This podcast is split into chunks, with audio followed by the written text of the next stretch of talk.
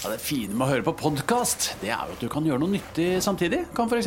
endelig fikse den skapdøra på badet. Sånn. Alt du trenger til enkelt vedlikehold hjemme, finner du på Kostholdsforvirring. Hva er egentlig et sunt kosthold? Målet med denne episoden her, det var å rydde litt opp i eh, nettopp det, forvirringen rundt alle mattrender. Komme litt nærmere svaret på hva som er sunt, og det tror jeg vi lyktes med, for, eh, for det, er noen, noen fellesnevnere her. Eh, og vi snakker om hva kostholdsekspertene faktisk er enige om. Vi snakker om ulike dietter som carnivore, vegansk kosthold, vegetarisk, steinalderkosthold, hel mat osv. Og så går vi også inn på konkrete matvarer som rødt kjøtt, egg, metta fett versus umetta fett, frukt og grønnsaker. Eh, hvorfor alle snakker om at man bør spise så variert. Det handler ikke bare om å få i oss alle næringsstoffene, faktisk. Eh, og så er vi også innom de nye nordiske kostholdsrådene. Hvordan Helsedirektoratet kommuniserer rådene sine utad. Negative reaksjoner på anbefalingen om å droppe alkohol helt for helsas skyld snakker vi også om. Eh, eksperten i denne episoden det er eh, Tine Sundfør, som er klinisk ernæringsfysiolog, forfatter, formidler og forsker. Eh, og Tine har sin doktorgrad fra Det medisinske fakultetet ved Universitetet i Oslo. Det er kodet. Fordi det er et faktum, altså vi kommer ikke bort fra det, at det er mye flere giftstoffer i, vår, i hele vårt økosystem. Dekodet. Ja, altså vi landa på månen i 1969. Vi har funnet opp penicillin, vi har laga kunstig intelligens. Du nikker, jeg tror du vet hvor jeg skal. Men kosthold, det har vi ikke løst. Nei, Det blir vanskeligere og vanskeligere, det. Ja, ja. Altså, er vi, er vi mer forvirra i dag enn vi var for 15 år siden? Ja, det er min opplevelse. Altså, Før var jo dette enkelt. Da var uh, gulrøtter sunt og cola usunt. Sånn er det jo fortsatt, da. Men uh, det er kommet mange flere sånne retninger innenfor dette som er sunt. Og det tror jeg jo veldig mye henger sammen med at det, det er jo helt riktig. Det er mange veier til rom, det gjelder her også. Så du kan eh, spise sunt, men gjøre det faktisk på veldig mange ulike måter. Men er også fagfolk mer forvirra enn før? Nei, si? men eh, med, For det første i hvert fall ikke mer forvirra, men spørsmålet er jo om de er mer uenige. Og det er klart ja. at det, det er kommet enormt mange studier, så det gjør det jo også litt vanskeligere å få oversikten over alle studiene som er. Men så må vel jeg der også litt si at det er nok litt drevet av eh, media, da. Fordi mm. at eh, det er klart at eh, du selger jo ikke noen aviser av å skrive på forsida av avisa at epler er sunt. Men hvis det kommer én studie som viser at epler ikke er sunt, da er det jo overskriften i mange dager på rad 'Staten har lurt oss, epler er farlig'. Sånn at, og så er det nok noen forskere som henger seg kanskje mer opp i, og fagfolk som henger seg mer opp i liksom den ene nye studien, at de da blir veldig interessert i det. Mens andre er mer opptatt av, nå må vi poengtere det som hovedvekten av studier viser. Mm. Og så må vi jo samtidig fortsette å utvikle oss, da. Men sånn sett utenfra så oppleves det jo nesten som at ingen er enige om noe som helst, da, selv ja. ikke fagfolk. Men er det, noe, er det, noe, som alle er enige om? Noe som er konsensus om i fagmiljøet? Som... Vet du hva, nå skal jeg si sånn som politikerne. Tusen takk for at du stilte meg det spørsmålet. Fordi at eh, jeg har jo liksom sagt veldig mange ganger at egentlig strengt tatt så burde jo vi fagfolk være enige om at vi skal gå ut og så skal vi si alle de tingene vi er enige om. For det er det meste. Okay. Eh, altså, jeg ville sagt at du finner ikke en fagperson som sier nei, nå bør du kutte ned på grønnsaksinntaket. Alle er enige om å spise mer. Alle fagfolk er enige om at man bør spise faste måltider og unngå sånn masse småspising, men så kan man godt si ja, men det er jo uenighet om skal det være to måltider eller fire måltider, og det er jo fordi forskningen egentlig viser at begge deler fungerer. Men vi kunne sagt spis faste måltider, spis grønnsaker, drikk vann som tørstedrikk. Du finner heller ikke én fagperson som sier nei, du bør heller drikke cola og kaffe som tørstedrikk enn vann. Um, spis mer frukt. Der er i hvert fall de aller, aller fleste enig. Så får du de der som er veldig på sånn lavkarbo-variant, hvor til og med noe frukt går ut, men de fleste er enig. Alle ville si lag mer mat fra bunnen av, og bruk mer råvarer. Så driver vi nå liksom og diskuterer hvorvidt man skal, liksom, hvor tydelig man skal være på dette ultraprosesserte, men alle er jo enige om at vi bør bruke mer råvarer, så kan vi ikke bare fokusere på det så er også alle enige med at hvis du skal spise kornprodukter, der er det litt uenighet, ja, men velg i hvert fall de grove hvis du spiser kornprodukter. alle er også enige om at det er gunstig å velge eh, kjøtt som i hvert fall ikke er oppblanda. Så kan du diskutere litt hvor mye man skal spise, men det er ingen som sier spis masse bacon og ferdiglagde pølser. Du, og alle er også enige med at mat bør ikke eh, være det som du skal bruke når du skal håndtere følelsene dine. Da må du faktisk jobbe med å finne andre verktøy. og så tror jeg også alle, jeg håper i hvert fall alle er enige om at uh, mat og matglede og måltider skal fortsette å ha en funksjon, fordi det betyr masse for helsa vår. Så vi men, ja. er enige om mye. Ja, men når du sier det sånn, så høres det ut som dere er enige om alt. da. Men hvorfor er debatten så polarisert da? Jo, det er jo fordi, litt igjen så sier jeg at det, litt fordi man blir kanskje veldig sånn hekta på det derre det lille man var uenig om, og så ja. blir man så veldig sånn opptatt av at den andre kan være så skråsikker på dette, mens mm. hvis en selv mener at nei, men dette er ikke så skråsikkert. Og så går vi, tror jeg, som fagpersoner i den fella, at istedenfor å vri det tilbake til ja, men hør her, kan vi være enige om dette og dette, mm. så går vi i fella at vi diskuterer veldig mye de ti prosentene vi ikke er så enige om. Ja, det er akkurat det. Mm.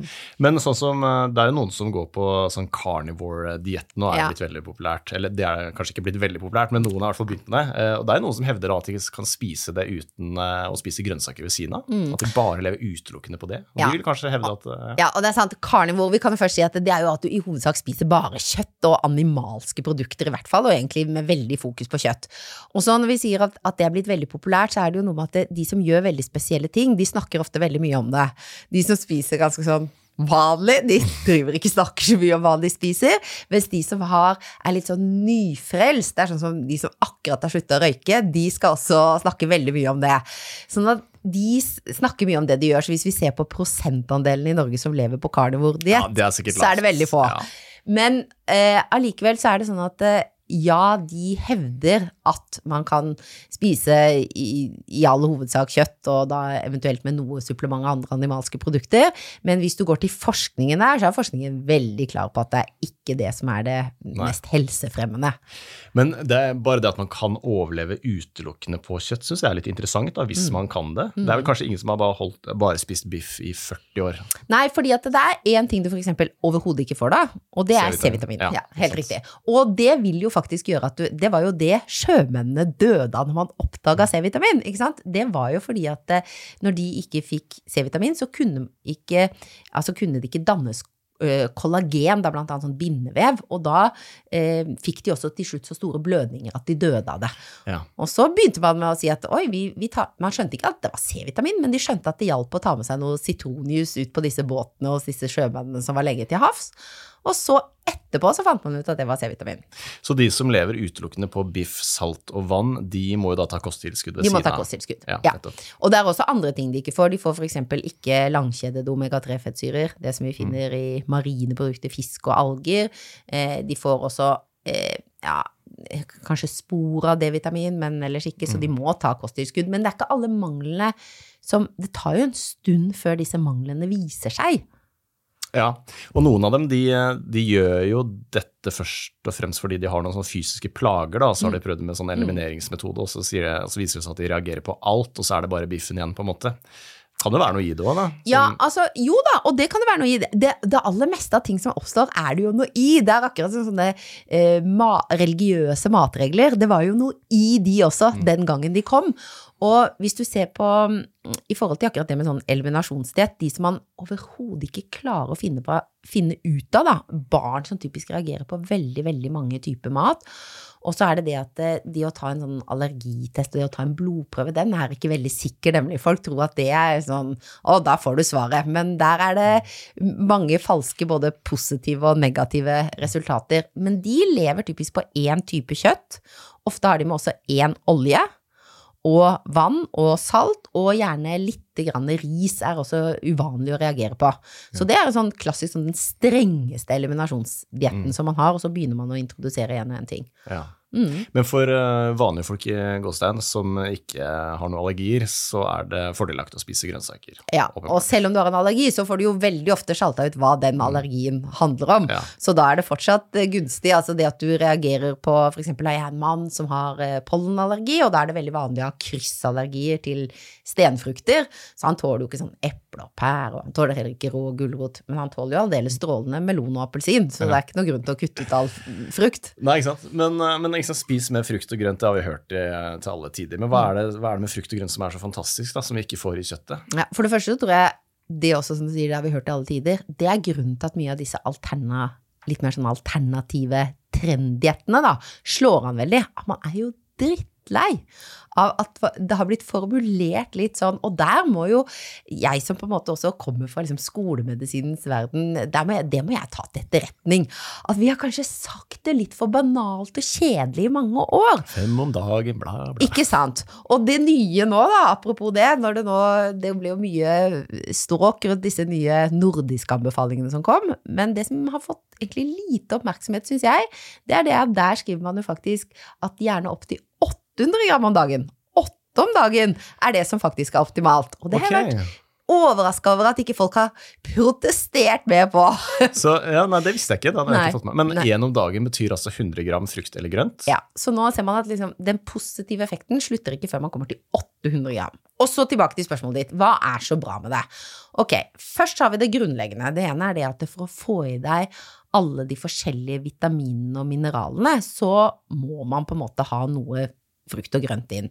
Og da er det jo spesielt, litt sånn som vi var inne på i stad, C-vitamin, folat, eh, det med beta, altså ulike av disse karotenoidene som omdannes til A-vitamin, E-vitamin i disse fruktene eller med mer fett, altså mer sånn nøtter avokado, ikke sant. Du klarer ikke å få dekke dette hvis du ikke har noe frukt og grønt. Så det er det ene for å dekke kroppens behov. Og så er det andre det at vi har sett at det er så beskyttende mot nettopp de sykdommene som jo truer folkehelsa i Norge. Det er eh, Akkurat nå for et par år siden så var vi jo veldig opptatt av smittsomme sykdommer med korona. Men ellers så er det jo ikke smittsomme sykdommer som er det store problemet i Norge. Det er de ikke-smittsomme sykdommene, disse livsstilssykdommene. Og da ser vi at det å spise mye frukt og grønt, det beskytter både veldig tydelig mot hjerte-karsykdom og mot kreft, som er på en måte de to aller største store stygge ulvene. Men hva er, hva er beskyttelsesmekanismen her? Er det, mm. er det antioksidantene, eller Ja, hva? vet du, altså, det er jo også fint at du spør, for vi snakka fryktelig mye om akkurat antioksidantmekanismen. Den snakka vi veldig mye om for sånn fem-ti år siden. I dag så er man ja, den har noe å si. Å være en antioksidant, det er egentlig et stoff som kan hindre at cellene våre blir skadet. Og det er nok en del av årsakssammenhengen. Men så er det også noen ting her vi ikke vet, fordi for eksempel er C-vitamin og beta-karoten og E-vitamin det er antioksidanter. Men når vi gir antioksidanter i pilleform, så får vi ikke positive effekter. Så det er noe med dette her samspillet. Og så er du også inne på noe av det som gjør kosthold så sabla vanskelig. Fordi noe av effekten kan være det at vi spiser mer frukt og grønt, men det kan godt hende at noe av den positive effekten også er det som det dytter ut. For når vi spiser Ja. mer av noe, så vil man automatisk spise mindre av noe. Mm. Eh, Hvis jeg for eksempel har sørga for at jeg har med meg en frukt i veska, så er det mye lettere for meg å styre klar av Narvesen på vei ned til toget på vei hjem fra jobb. Ja. Ikke sant? Mens hvis jeg ramler inn der og tror jeg skal komme ut med en banan, det skjer jo ikke, for det lukter sykt godt av de bollene. Ja. Så da blir det bolle på meg òg, Ja, ja. ernæringsfysiolog eller ikke. Men det er litt tilbake til det der at vi har landa på mål. Jeg syns det er så frustrerende at forskningen ikke klarer å komme til bunns i sånne ting. Altså, Hva er det med frukt som er så bra? Er det det er det, det, det inneholder, eller er det at vi sjalter ut annen dårlig mat? Liksom, hvorfor, vi har forska på det her så langt, hvorfor klarer vi liksom ikke å Men jeg tror kanskje man kan si også at man på mange måter har kommet til bunns, men det er det at det er mange faktorer Ok, som gjør at det er bra. Det er både det at det inneholder antioksidanter, men det er også det at det dytter ut Ja. For eksempel, man hadde skolefruktordning i Norge. Det var gratis skolefrukt i Norge i en periode. Kom et regjeringsskifte, og den forsvant og litt sånn, med forrige regjeringsskifte, men det er det så. Men i hvert fall, da var det sånn at man så at når man ga ungdommer Det var, var ungdommen som hadde gratis skolefrukt, og da gjorde man pilotundersøkelser. Så ga man Først så testa man kostholdet. Så begynte man i de frukt og grønnsaker på skolen, og så testet man kostholdet. Og da så man at inntaket av snacks og godteri gikk ned. Uten at du ba de om å gjøre det. Mm. Men de gadd antageligvis ikke stikke på butikken og bruke noen egne penger når de hadde fått seg en banan på skolen. Mm. Så, så det er nok mer det at det er multifaktorelt, at det er mange årsaker, enn at det er det at man ikke akkurat kommer til bunns. Ja. Men vi vil jo ha et sånn Kan ikke du gi meg ett svar og to streker. Det syns vi er veldig tilfredsstillende, men det finner du faktisk bare i matematikk.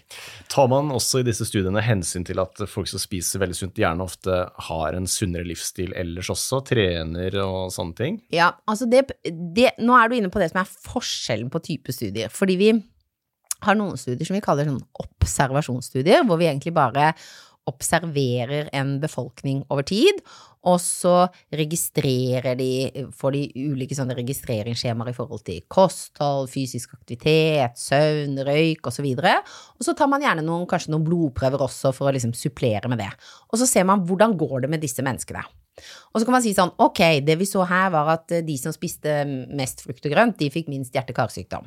Men da prøver man i statistikken å, justere for at de også trente mest og sov mest og bla, bla, bla. Men du får aldri justert for alt. Kanskje var de også lykkeligst. Kanskje lo de mest. Ikke sant? Det er en hel haug av ting som vi aldri får justert Ja. for, som kanskje spiller en rolle. Så da har vi den andre typen av studier, og det er sånn som når jeg tok min doktorgrad, for eksempel, så var en av de studiene jeg gjorde, da sammenlignet jeg 5-2-diett, en sånn type faste, periodisk fastevariant, med det å redusere kaloriinntaket litt hver dag. Og så gjorde jeg det på 112 personer som hadde fedme over ett år. Og da hadde jeg fått ganske mye penger siden jeg kunne følge det i ett år, fordi det koster ganske mye penger. For du må ha folk ofte inn, for du må motivere dem, du må snakke med dem, det må tas blodprøver, det må tas vekt, det må tas liv i det, det må gjøres, vi målte forbrenning osv., osv. Så, videre, og så, så det er mange ting som koster mye penger. Og så, da ville vi finne ut, for da hadde vi først gjort det vi kaller å randomisere eh, personene, sånn at de fikk ikke velge hvilken gruppe de skulle være i, det var på en måte med en litt sånn avansert loddtrekning. Og da kan man si etterpå at når jeg så på de to gruppene når vi starta, så er det helt fascinerende. Altså bare med 112 personer så endte de på helt lik gjennomsnittsalder. Helt lik gjennomsnittsvekt. Det var akkurat like mange som røyka i hver gruppe. Det var akkurat like mange menn og kvinner i hver gruppe. Altså Det er helt fantastisk hvordan det der tilfeldigheten slår Ja. til at det blir likt. Så da kunne jeg på en måte si at den eneste forskjellen disse to gruppene gjør, for jeg hadde hatt noen inklusjonskriterier så alle hadde fedme og bla, bla, bla, det er at de lever enten på den måten eller på den måten. Og da kan vi si at det er en årsakssammenheng. Men Da- da må du opp i sånne tall som 100 personer minst, kanskje. I hvert fall. Ja. Og ofte må det opp i mer også. Ja. Mm. Men, okay, men hvis vi tar, uh, tar junkfooden, som vi eh, Det er jo sånne ting man vet. Man vet jo at junkfood åpenbart er, eh, er shitty food, ikke sant. Mm. Eh, er, det, er det først og fremst det metta fettet og saltet som er problematisk? Hvis man spiser Ja. feit hamburger hver eneste dag, Ja, da er det jo både, både metta fett og saltet. Og så er det jo også det at det for all del det er også tilsatt mange flere tilsetningsstoffer. Ja. Og så er det også mindre vitaminer og mineraler, mindre fiber. Og så er det ofte supplert med mye sikta hvetemel i det der burgerbrødet. Så veldig sånn raffinerte kornprodukter hvor det er lite igjen av næringen. Så det er veldig både næringsfattig og samtidig ofte kaloririkt. Og fett- og saltrikt. Og så krever det lite tygging. Og tygging er ganske magisk. For vi har jo sett at tygging det øker jo utskillelsen av metthetshormoner, det. Sånn at, eh, og, og det kan kanskje igjen påvirke hvor mye vi spiser. Mm. Så nei, det er mange ting. Ja, men det er klart, hvis jeg kjøper meg en eh, burger på McDonald's, og så ser jeg på den burgeren, så er det jo liksom, det er tomat, og det er salat, og det er eh, kjøtt, og det ser, det ser jo ikke nødvendigvis så usunt ut, men så er det det der lyse brødet da, kanskje. Ja, Altså, og så er det litt det du sa i stad, for å få én porsjon frukt og grønt, så skal du spise 100 gram. Så hvis du veier det salatbladet og de tre sylteagurkene og den tomaten, så har du fått eh, ja, kanskje 40 hvis du er heldig, kanskje litt mindre òg. Så du har ganske lang vei igjen å gå da, for å komme opp i mm, tidligere anbefaling på 500. Nå får vi se hva de norske kostholdsrådene slår ned på, men i hvert fall 500 til 800 gram hver dag. Da er du ganske Får fortsatt et godt stykke igjen. Ja, det er sant, altså. Ja. Det interessante med junkfood synes jeg er at man har jo veldig lyst på det før man spiser, og så er det veldig godt mens man spiser, men etterpå så føles det alltid dritt. Og ikke noe sånn samvittighetsgreie, men bare Nei. kroppen Det er ikke Det noe blir litt sånn klump i magen. Jeg, jeg blir egentlig ikke sånn godt mett. Nei. Men jeg bare tenker på det du også sier, det der at man aldri blir enige om dette kostholdet. Det er jo litt sånn også I dag kan vi masse om å bygge hus. Nå, er ikke jeg, nå skal ikke jeg påberope meg å være noe snekker, men det er vel ganske mange forskjellige materialer som funker. Altså, det er ganske ikke sant? Greit nok at du, du må ha et fundament og du må gjøre sånn, så det er noen likhetstrekk, men det er jo også enormt mye forskjellig da, som Ja. funker hvor det fortsatt kan bli et hus som funker bra etterpå. Ja. Men er ikke kanskje det litt av essensen her, at vi er, vi er forskjellige alle sammen, og det er ikke én oppskrift som funker på alle, ikke sant? Til de grader. Og så er det jo noe med at det, det er noe av det jeg syns kanskje er mest irriterende. At når vi snakker så mye om kosthold, så høres det ut som kosthold er bare næringsstoffer. Mm. Fordi det som gjør, hvis jeg skulle si hvorfor er mat viktig for meg, ja selvfølgelig er det der eh, Maslows behovspyramide, de grunnleggende tingene for energi, og så skal jeg dekke disse tingene som kostholdet skal gi meg da, i forhold til næringsstoffer. Men det som gjør at jeg syns mat betyr masse for meg, det er jo fordi at det er så mye av livsgleden min. Mm. Altså det er mye av det sosiale i mitt liv, skjer rundt måltider, altså mye av måte noe av det jeg ser fram til etterpå, det er knytta til maten. Jeg begynner å planlegge Jeg vet allerede hva vi skal ha til middag Mm. i dag. Ja, ja. Og det har jeg snakka med mannen min om, og den ene datteren min som fortsatt bor hjemme, og vi gleder Ja. oss til det sammen. Og det gir jo enormt mye helse. ja men Da er jeg helt enig i. Hode Både og kropp henger sammen, Ja, fysisk og mental helse. Og når man for eksempel, folk er veldig opptatt av, de spør meg siden jeg har skrevet en, for vet du, en bok om kosthold for hjernen, og da er folk veldig opptatt av, ja, men du, hva er det vi skal spise for hjernen? Og det har noe å si, men det som det er mest forskning rundt, det er at det å kunne, hvis du har mulighet, spis sammen med noen. Ja. Det er veldig bra for hjernen. Ja, ja.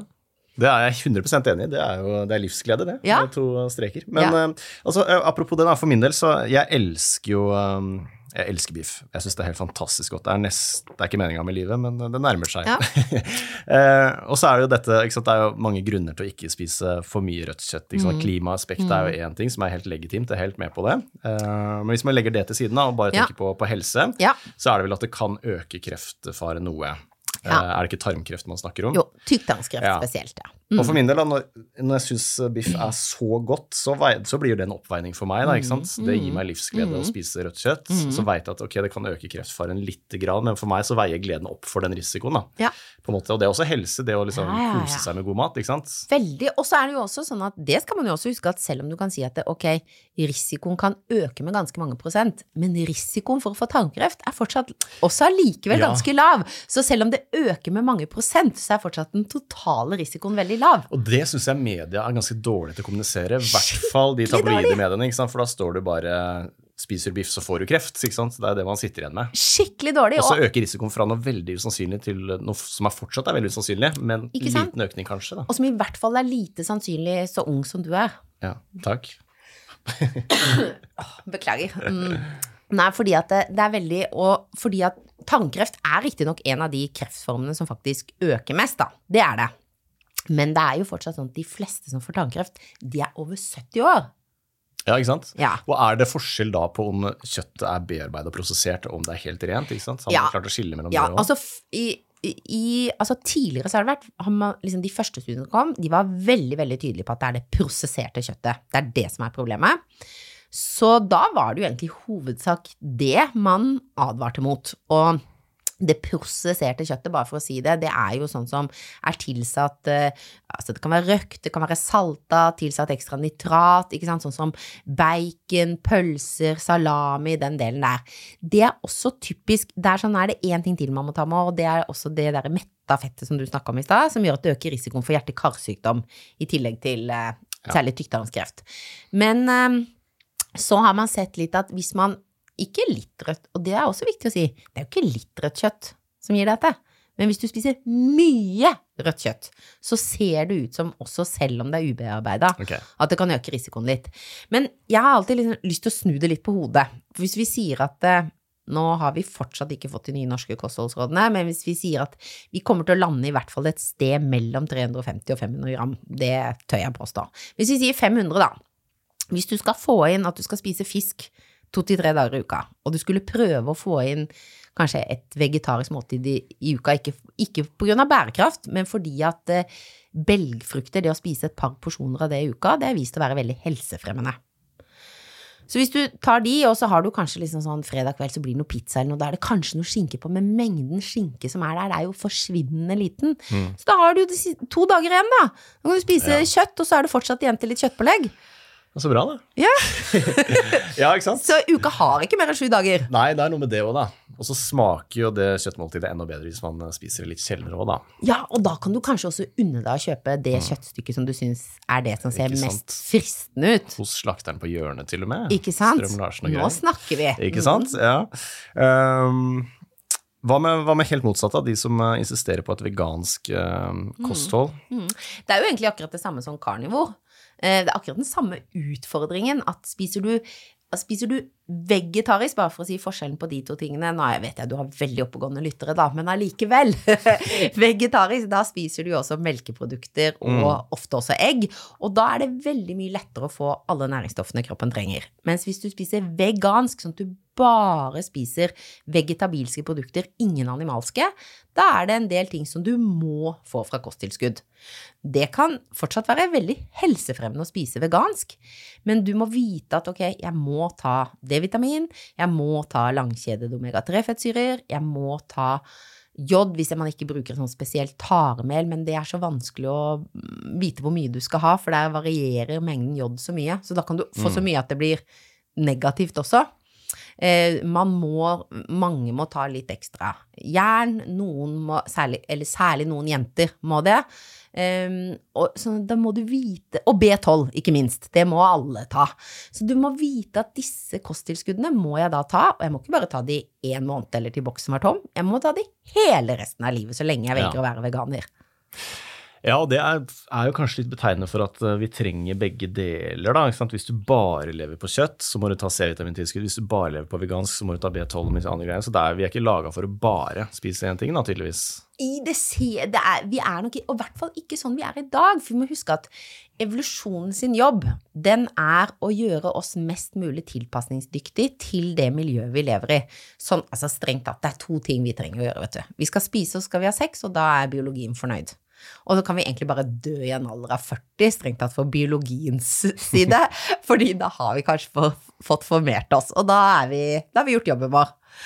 Eh, og det, eh, det som skjer i evolusjonsperspektivet, det er å prøve å tilpasse oss sånn at vi klarer å overleve i denne verden så lenge at vi får formert oss.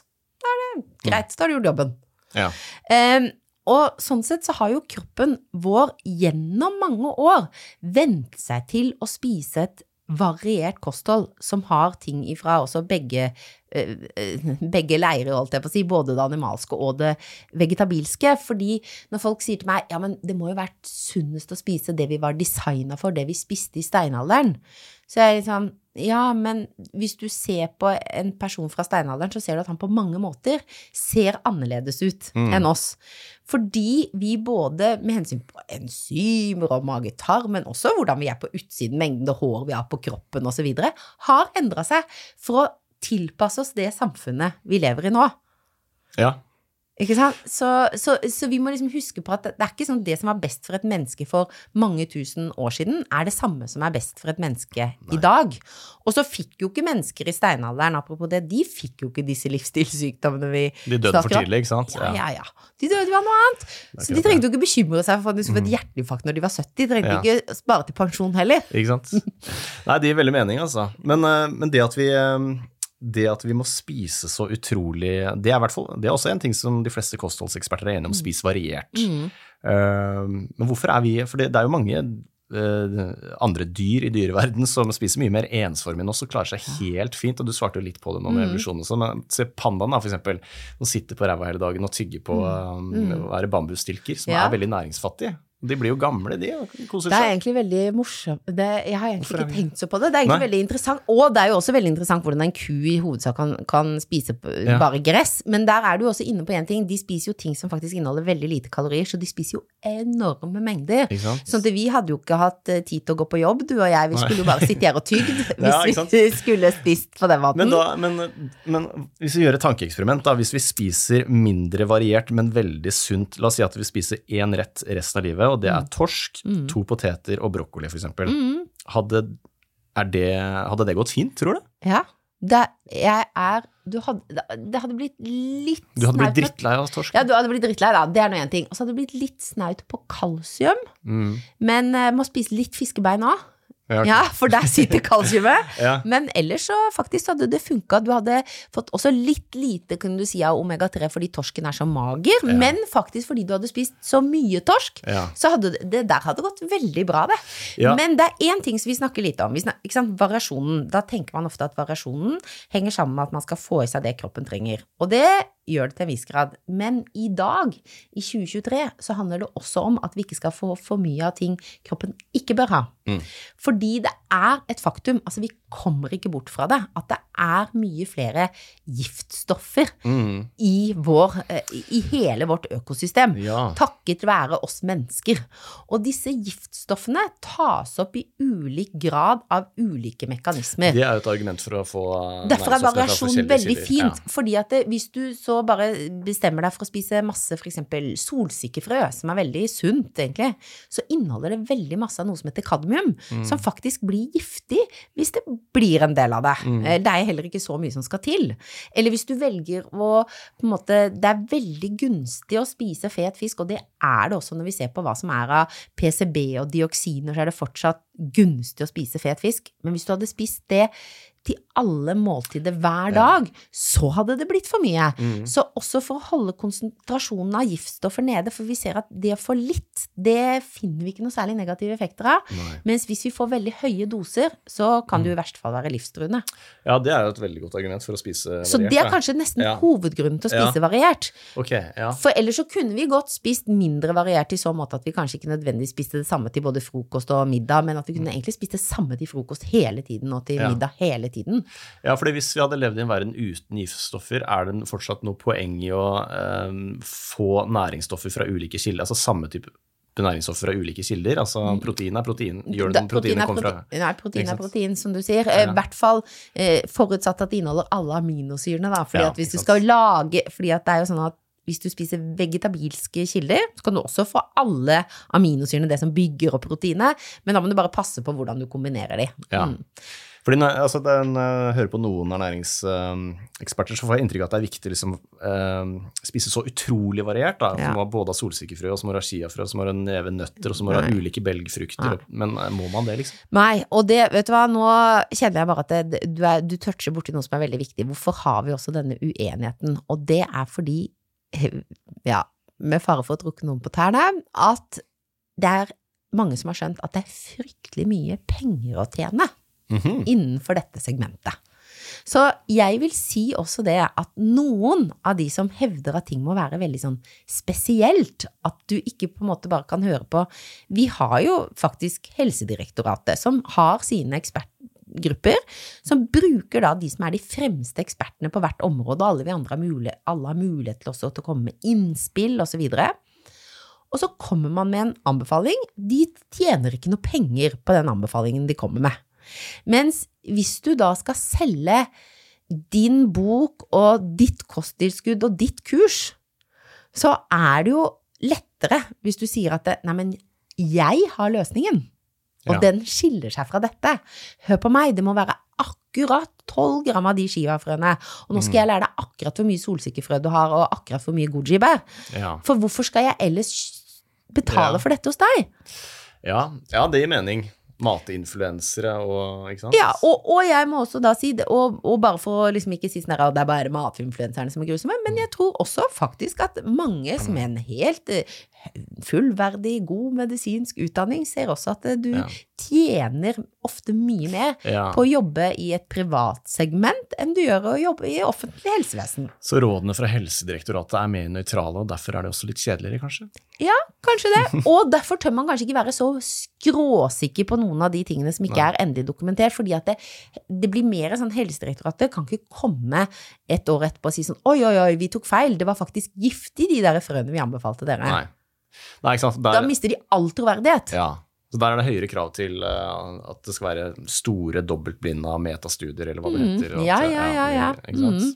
Det er jo for så vidt eh, fint å vite, da, at det som kommer derfra er virkelig Ja. Det er grundig arbeid, Ja. selv om det er kjedelig. Men så tror jeg også samtidig må man ta med seg også at man kanskje må prøve å gjøre det litt mer saftig, da. Ja. Det ba- er kan det ligge litt bakpå, da? Hvis alt skal bekreftes i metastudier, og det tar lang tid, så kan det også hende at det ligger litt bakpå. Da. At det er jo det bra er- at noen går litt foran og tester, og så er det ikke sikkert at det stemmer om ti år, men Mm. på en måte. Og det er jo det man har blitt kritisert for, på en måte. At det, hallo, det er så old fashion. Mm. Uh, og, og den ser jeg, samtidig så må man liksom tenke alle veldig sånn herre konsekvensetikk. Man må tenke konsekvensene liksom i alle bauger og kanter, sånn fra filosofiens side. Hva skjer hvis vi, hvis vi gjør sånn?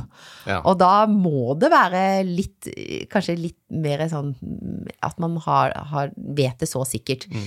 Men så er du inne på en, en annen ting også, syns jeg, og det er det at det, noen som tenker helt nytt og annerledes, møter nesten alltid veldig stor motstand.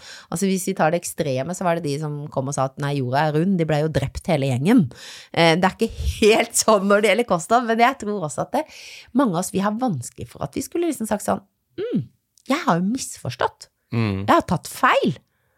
Vi syns jo ikke det er noe gøy hvis vi egentlig har sittet og lest fagartikkel opp og ned og tatt lange utdanninger og doktorgrader og hva vi har gjort, og så plutselig skal vi si sånn hm, jeg har jo misforstått dette her. Ja. Ikke sant, det du, det Ja, du med er- 30 år, liksom. Ja, så for all del, jeg har også respekt for de som kommer Mm. og mener noe nytt. Får litt sånn eh, Møter kanskje litt for stor motstand istedenfor nysgjerrighet, da, Ja. til å begynne med. Men jeg tenker at noen av de diskusjonene som egentlig i dag Og det er ikke fordi jeg ikke vil at eh, Jeg vil at befolkningen skal få all den informasjonen de trenger. Men jeg tror noen av diskusjonene burde foreløpig skje litt sånn på kammerset, egentlig, av det vi diskuterer åpent i media i dag, fordi jeg tror ikke at den diskusjonen opplyser folk, jeg tror den forvirrer folk. Ja, det er derfor vi sitter her. For Ikke sant? Jeg er jo mer forvirra enn Ja, noen gang. Men det er veldig interessant, altså. Et par konkrete ting som jeg har skrevet opp her, da. Eh, egg. Mm, ja, Fordi- og det, apropos hvis du skulle sagt at du skulle valgt å leve på noe, så kunne jo også veldig få næringsemner, så er jo egg også, i, i motsetning til når vi tok kjøtt i stad, så er det en del ting som det er lite av, det er lite kalsium, det er lite D-vitamin, det er lite Hvis du tar egget, der er faktisk reklamen sann. Det Ja. inneholder jo alt unntatt C-vitamin. Ikke sant? Ja, Det er fantastisk. Så du kunne faktisk levd på eh, Kanskje spist sånn Ja, et egg er sånn rundt 100 kalorier, da, så trenger du 2500. Så hvis du hadde bestemt deg for å spise 20 egg om dagen, og så la du til resten dekka du fra appelsin, så hadde du faktisk ligget ganske godt an ganske lenge. Ja, egg og appelsin, ja. Åh, det blir kjedelig. Ja, det er forferdelig. Og så litt salt. Og litt salt. Saltet som du var inne på i stad. Og det er jo også salt er sånn sett et veldig morsomt eksempel. Fordi salt er noe av det vi snakker om som veldig i dag får det veldig sånn fokus i folkehelsearbeidet om at vi spiser altfor mye salt, og at salt øker blodtrykk og risikoen for kreft i mm, magesekk, og at salt er veldig helseskadelig. Men hvis du eh, var på en måte et sted hvor du bare måtte velge noen få få næringsemner, så er jo det å ikke få salt, det er det som fortest ville tatt knekken på deg. Hvordan salta de maten i steinalderen, da? Ja, altså man har jo hatt en del ting som Hvis du har bodd nær havet, da, så har det jo vært en del ting som inneholdt naturlig noe salt, og man kokte kanskje liksom eh, vann fra havet, så da var det naturlig salt oppi. Og så kan det godt hende at vi har endret oss litt, men dette har ikke heller endra seg, fordi det som er, er at salt består av to atomer, natrium og klor. Og det som heter natrium, i den delen inni der, det styrer nerveimpulser og muskelkontraksjoner. Så hvis du har for lite natrium, så kan ikke hjertet slå. Da kan ikke hjertemuskelen trekke seg sammen. Nei. Da dør du akutt. Og det skjer ganske fort, fordi at det, mengden Vi skiller ut noe natrium hver dag. Noe kommer via urin. Og der er kroppen sånn Den er jo sykt god, vet du. Får vi mindre salt, så skiller den ut mindre. Men svetten, der er natriummengden konstant. Ok. Ja, Så det kan du ikke stoppe. nei. Så det vil gå dårlig. Men det er vel mindre eh, salt i eh, grønnsaker enn i kjøtt, er det ikke det? Så hvis du Ja, Jeg vet ikke, men Nei, vet du hva, i alle sånne rene produkter så er det forholdsvis lite salt, men det er klart at det, eh, det dyret har jo også hatt, hatt salt. Der er, Mm. Det er også det som styrer muskelkontraksjoner. Ja, så ja, du, du får noe salt i Ja. de naturlige råvarene òg. Men kan du, kan du leve på et vegansk kosthold uten å tilføre ekstra salt? Bare Nei, du må ha litt, Du må ha litt tilføre litt salt, salt. ja. Ja. Jo, men egg, ja. Vi var inne på egg. Ja. Unnskyld, det var jeg som ja, langt utpå ut på Ja, digresjoner er gøy, det. Men jo, men det jeg tenker på med egg, er jo uh, dette kolesterolet som noen snakker om, da. At det kan Mm. øke det negative kolesterolet, eller hva det er. Ja. Uh, Er det, Det er dementert, typisk, eller er det et, ja, det er jo typisk et sted som man på en måte har gått videre og sagt at åh, nå, nå kan vi mer enn vi kunne på 80-tallet. Ikke sant? Det var jo bare sånn at det var jo bare etter andre verdenskrig, vi snakker ikke lenger tilbake enn det, så, så skjedde det plutselig noe. Hva er det som skjer? Folk får plutselig masse hjerte-karsykdom. Det hadde ikke vært masse av det før. Dette tilhører på en måte et samfunn der vi hadde fått for, for det første nok mat, men også eh, hadde noe mer da fett da, ikke sant, og noe mer av dette metta fettet. Men så var så begynte man å forstå Så gjorde man først gjør man sånne, Det er ikke sånn at vi skal bare kaste disse observasjonsstudiene, for man begynte eksempel å se geografiske forskjeller. Man så at i mm, Europa og i Nord-Amerika så fikk de mye hjerte-karsykdom. Og så så man til eh, Japan, for eksempel. Nei, men de har jo lite hjerte-karsykdom, og i hvert fall ikke hjerteinfarkt. Hva gjør de annerledes enn oss? Jo, de spiser mer fisk, og spiser veldig mye mindre kjøtt. Ok, så begynte man å se, hva er forskjellen i disse tingene? Jo, og så så man at vi hadde mer kolesterol, begynte man å måle i blodet. Og så gjorde man studier på dyr, så ga man dyr eh, ting som inneholdt mye kolesterol, som var også sånn innmat og kjøtt og egg og sånne ting, og så fikk dyrene mer hjerteinfarkt. Og så begynte man å studere enda mer på mennesker.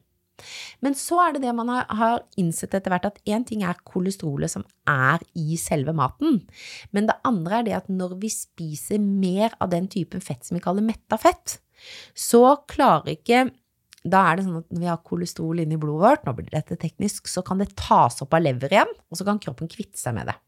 Og hvis det skal kunne komme inn i leveren, så må det via en sånn reseptor, via en kanal.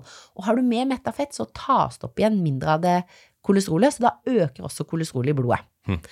Så det man fant ut etter hvert, er at det å spise mye metta fett, som betyr å spise mye fettkjøtt, ikke kjøtt generelt, ikke magert, ikke indre og ytterfileten, men eh, entrecôten og, og nakkekoteletten og pølsene, der er det mye metta fett. Og også så er det mye smør og fløte, men det er kanskje en litt annen effekt, da. Det er noe så.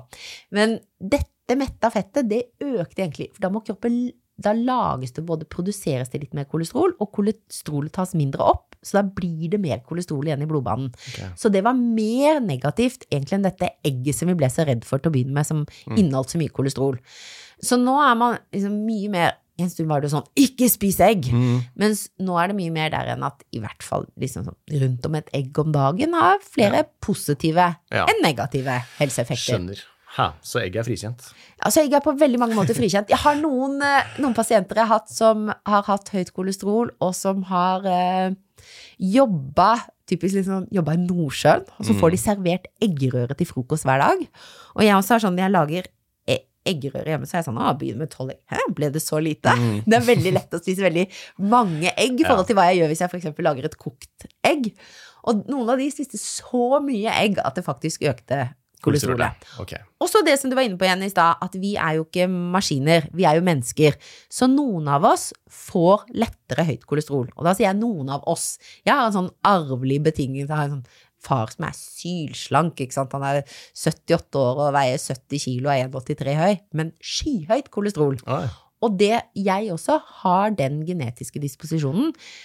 Så mens min mann og jeg da spiser forholdsvis likt, han lurer seg sikkert til noe som jeg ikke veit om, men ganske likt, så har han nesten halvparten av kolesterolet mitt. Ja. Genetisk, det der. Mm. Ja. Så det er også genetisk. Men uh, mettafett versus umettafett, er ikke det også en debatt? Uh, Mm. For det vi har hørt, er at mettafett uh, det er farligere enn umetta. Umetta Mm. er det sunne. Men er det ikke noe uenighet der også, mener jeg har plukke opp? Jo da, det er jo uenighet om det meste, men igjen da, så er det noen få, så er det veldig, veldig mange som er enig, og så er det noen få som Ja. er uenig. Men i hvert fall her sånn så, som vi kanskje skal litt mer innom etter hvert, og den der ultraprosessert greia, så tror jeg det som har vært noe av problemet med mettafett, det er at vi har putta alt mettafett i én smørje. Så vi har putta på en måte salamipølsa sammen med osten. Mm. Begge deler inneholder mettafett. Men for de som er sånne nerder som meg, som elsker kjemi, så vet vi at metta fett er heller ikke én ting. Det er masse ulike fettsyrer som er metta. Og noen av de øker kolesterolet mer enn andre. Okay. Og det er også andre ting. Når det gjelder osten, da, så snakker vi om noe som heter food matrix. Altså at man snakker om hele denne pakka i maten som påvirker. Fordi det som er veldig spennende, er eksempel ost, som også inneholder mye metta fett. Det øker ikke kolesterolet. Mm. Det er i hvert fall nøytralt. Og det ser faktisk til og med ut til å senke det litt. Men der er man nå inne på at man ser at mm, melkesyrebakterier har noe å si. Mm. Eh, kanskje noen av de spesielle proteinene, akkurat disse peptidene som du finner i, i osten, og akkurat de typen av metta fettsyrer som det er mer av i ost enn i kjøtt. Mm. Sånn at smør øker kolesterolet mer enn ost, og det er igjen rart, for ost er jo også lagd av det samme grunnproduktet, men, men via forskjellige produksjonsmetoder. Så det har nok vært med på å bidra litt til denne forvirringen at eh, det, i dag så har vi krystallisert ut og si at det er særlig metta fett fra kjøtt, og også fra smør og fløte, mens surnede melkeprodukter Hmm. eh, Der går osten inni, for der er det også melkesyrebakteriene som er med. Ja. Og faktisk til og med også rømme, men også yoghurt og sånne type ting. Det øker, er mindre negativt. ja, det er interessant. Kanskje til og med positivt. Kanskje, ja. Ja. Så metta fett er ikke nødvendigvis metta fett. Nei. Eller I hvert fall når du spiller på lag med andre. Mm. Så, Mm. så, men da, da blir det jo for enkelt å si at metta fett er dårlig, da. Ja, er ja, det gjør det. Det blir litt sånn Ja, det gjør det. Ja, Ja. det blir litt overforenklet. Og så er det det som er spørsmålet igjen. Skal vi på en måte gå inn i alle detaljene for at folk da skal liksom få det helt riktige, eller blir det sånn til slutt at folk sier sånn Å, nå ble dette så vanskelig, jeg er ikke så interessert heller. Nei, Ja. det er den balansen her, da. ja. Og så er det flere hensyn, da, for så kommer du litt Så er det der med Hvis det er mye metta fett i et produkt, eksempel seterømme, er ikke, øker ikke kolesolet så mye, for det er også syna. Ja. Men det er jo veldig mange kalorier, da, Ja. i seterømme. Ikke? Men da kommer vektdebatten inn igjen. Da, ikke sant? Så Ikke hvis sant? du er hyperslank og trener hver dag, så er ikke det så farlig. Da, Nei, plutselig. nei.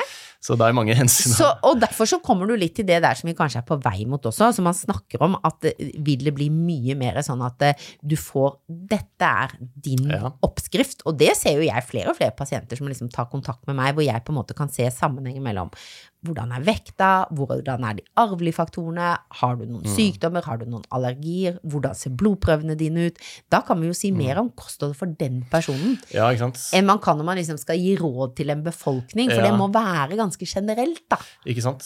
Men du er eh, ernæringsfysiolog med pasienter, er du ikke det? Så Jo, så jeg er såkalt Ja, klinisk, klinisk, ernæringsfysiolog. Mm, Og da er det sikkert mange ulike motivasjoner da, de som kommer til deg. Noen er kanskje overvektige og vil, eh, vil ned i vekt og bli sunnere, mens andre er kanskje hypertrent og vil bare optimalisere. Og målet Ja, mitt er å leve til 110, kan du hjelpe meg, liksom? Ikke sant? Og så har jeg også folk som har, hvor det store problemet er at de har kanskje vært gjennom kjempetøff eh, cellegiftbehandling i forhold til kreft de siste årene, Mm. vært kvalme, hatt dårlig matlyst, hatt en kjempetøff periode, hvor det som jo dessverre vet, er jo at eh, nesten en tredjedel av kreftpasientene, de dør jo ikke av sykdommer, men de dør av underernæring som gjør at de ikke tåler mer behandling. Oi. Så der er på en måte, da kan det være en helt annen utfordring. Ja. Og så er du da lest om at å, sukker er farlig, og så er du blitt redd for det ene og redd for det andre, Mm. mens hovedproblemet er at de får ikke i seg kalorier. Og det er jo også litt, jeg syns det er litt ironisk at kalorier det er på en måte noe som i mange syns sånn, det er liksom negativt. Altså Ja. det som er helt sikkert, er at hvis du ikke får kalorier, da dør du. Ja, det er det. Det er det viktigste av alt, å få kalorier. Det er jo det vi lever på, energi. Ja. Ja. Eh, var det ikke helsedirekt, Dette her, det er mulig det her er helt feil, men jeg lurer på om Helsedirektoratet for noen år siden vegret seg litt for å anbefale nøtter fordi Jo. det inneholdt så mye kalorier. Jo, jo. Og da følte, det følte jeg, det var veldig rart, syns jeg. Fordi er sånn, det, Hvis det er veldig sunt og inneholder mye bra næringsstoffer, så kan du ikke ikke anbefale det fordi Ta hensyn til de som er veldig overvektige, da, kanskje. Men, Men og du har så rett, vet du. Men der er det kanskje litt det der at man er litt bakpå før man har fått studiene. For nå, hvis det er noe jeg kan love deg at kommer tydeligere i de neste norske kostrådene, så er det anbefalingen om nøtter, ja. For den har nå ligget inni fruktanbefalingen, sånn at hvis du Det, det var ikke egentlig et, i et eget kostholdsråd, du måtte klikke det herfra til derfra for å Mm. finne de nøttene. Og det er jo det som er kjempespennende med nøtter. Det er jo i tillegg at nå har vi plutselig sett at nyere studier tyder på at vi klarer ikke engang å absorbere alle kaloriene i nøtter. nei. De inneholder så mye fiber sammen med fettsyrene at det antageligvis er noe av fiberet som binder seg til fettsyrene, så kroppen ikke klarer å absorbere det, eller antagelig er det en sånn, sånn type mekanisme. I hvert fall så får man ikke absorbert, tatt opp alle kaloriene. Og det er også vist at de som har fedme, som prøver å gå ned i vekt, og som har nøtter som en del av kostholdet sitt når de prøver å gå ned i vekt, de klarer bedre å etterleve kostholdet, fordi nøtter gir så god metthetsfølelse. Ja. Og det er jo også det som er litt spennende, at en kalori er jo ikke en kalori når det gjelder metthetsfølelse. Nei, ikke sant? Sånn at en, for noen kalorier metter veldig, mens andre kalorier metter veldig lite. Ja.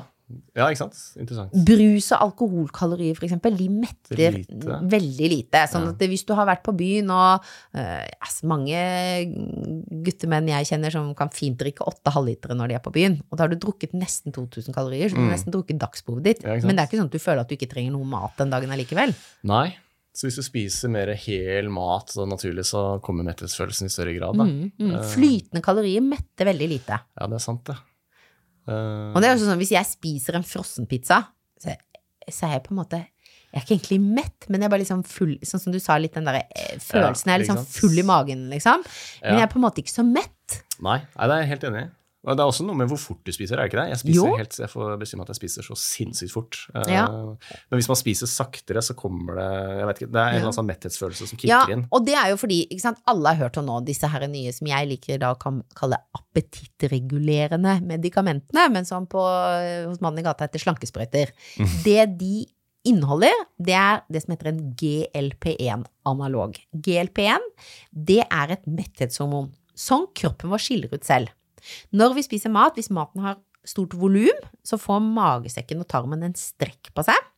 Og da gir det beskjed til hormonproduserende sånne endokrine organer om at nå skal dere lage metthetshormoner. Så lager de GLP1, som går opp til hypotalamus. Her sitter sult-metthetssenteret. Ja. Og gir beskjed nå har du fått mat, du er mett.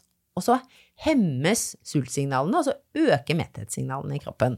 Det er fordi ellers så vet jo ikke hjernen at annet enn det der at vi ser at vi spiser, da. Ellers så Mm. vet jo ikke hjernen at vi har spist. Den er Nei, ikke noe det, det må jo kommunisere med hva som har kommet i magen, og magesekken kan ikke telle kalorier. Magesekken kjenner i veldig stor grad volum, Mm. og så tar det litt tid før det kommer seg til magesekk og over til tarm. Derfor når du spiser langsommere, så kommer metthetsfølelsen Ja. samtidig, ikke sant? Mens hvis du bare hiver inn mat, så tar det lang tid. Ja. Og det er jo også noe som I Norge så er det jo fortsatt sånn at vi faktisk kan spise med kniv og gaffel. Jeg hadde en datter som var med på en sånn eh, internasjonal eh, leir, noe som heter CISV, og så var hun, hadde en sånn utveksling med ja, tenåringer som bodde i Florida. Og ingen av de kunne spise med kniv og gaffel. De kunne ikke spise med kniv og gaffel. De hadde aldri gjort det. De hadde bare spist mat som de holdt i hånda Ja. Dytta i Burger og sandwich liksom Ja. hele livet. Burger, sandwich, pizza. Liksom. Ja, og i verste fall så brukte de gaffelen sin Ja. sant, til å dele opp maten også, så gafla de inn. De hadde aldri brukt kniv. Det er ganske sjukt, da. Er jo helt, ikke sant? For oss høres det helt sprøtt, men jeg kan bare si at hvis ikke vi gjør noe i forhold til vår Og da tenker jeg ikke egentlig så mye ernæring, men vår matkultur i forhold til å bevare ja, den, så da sklir dette helt Ja. ut.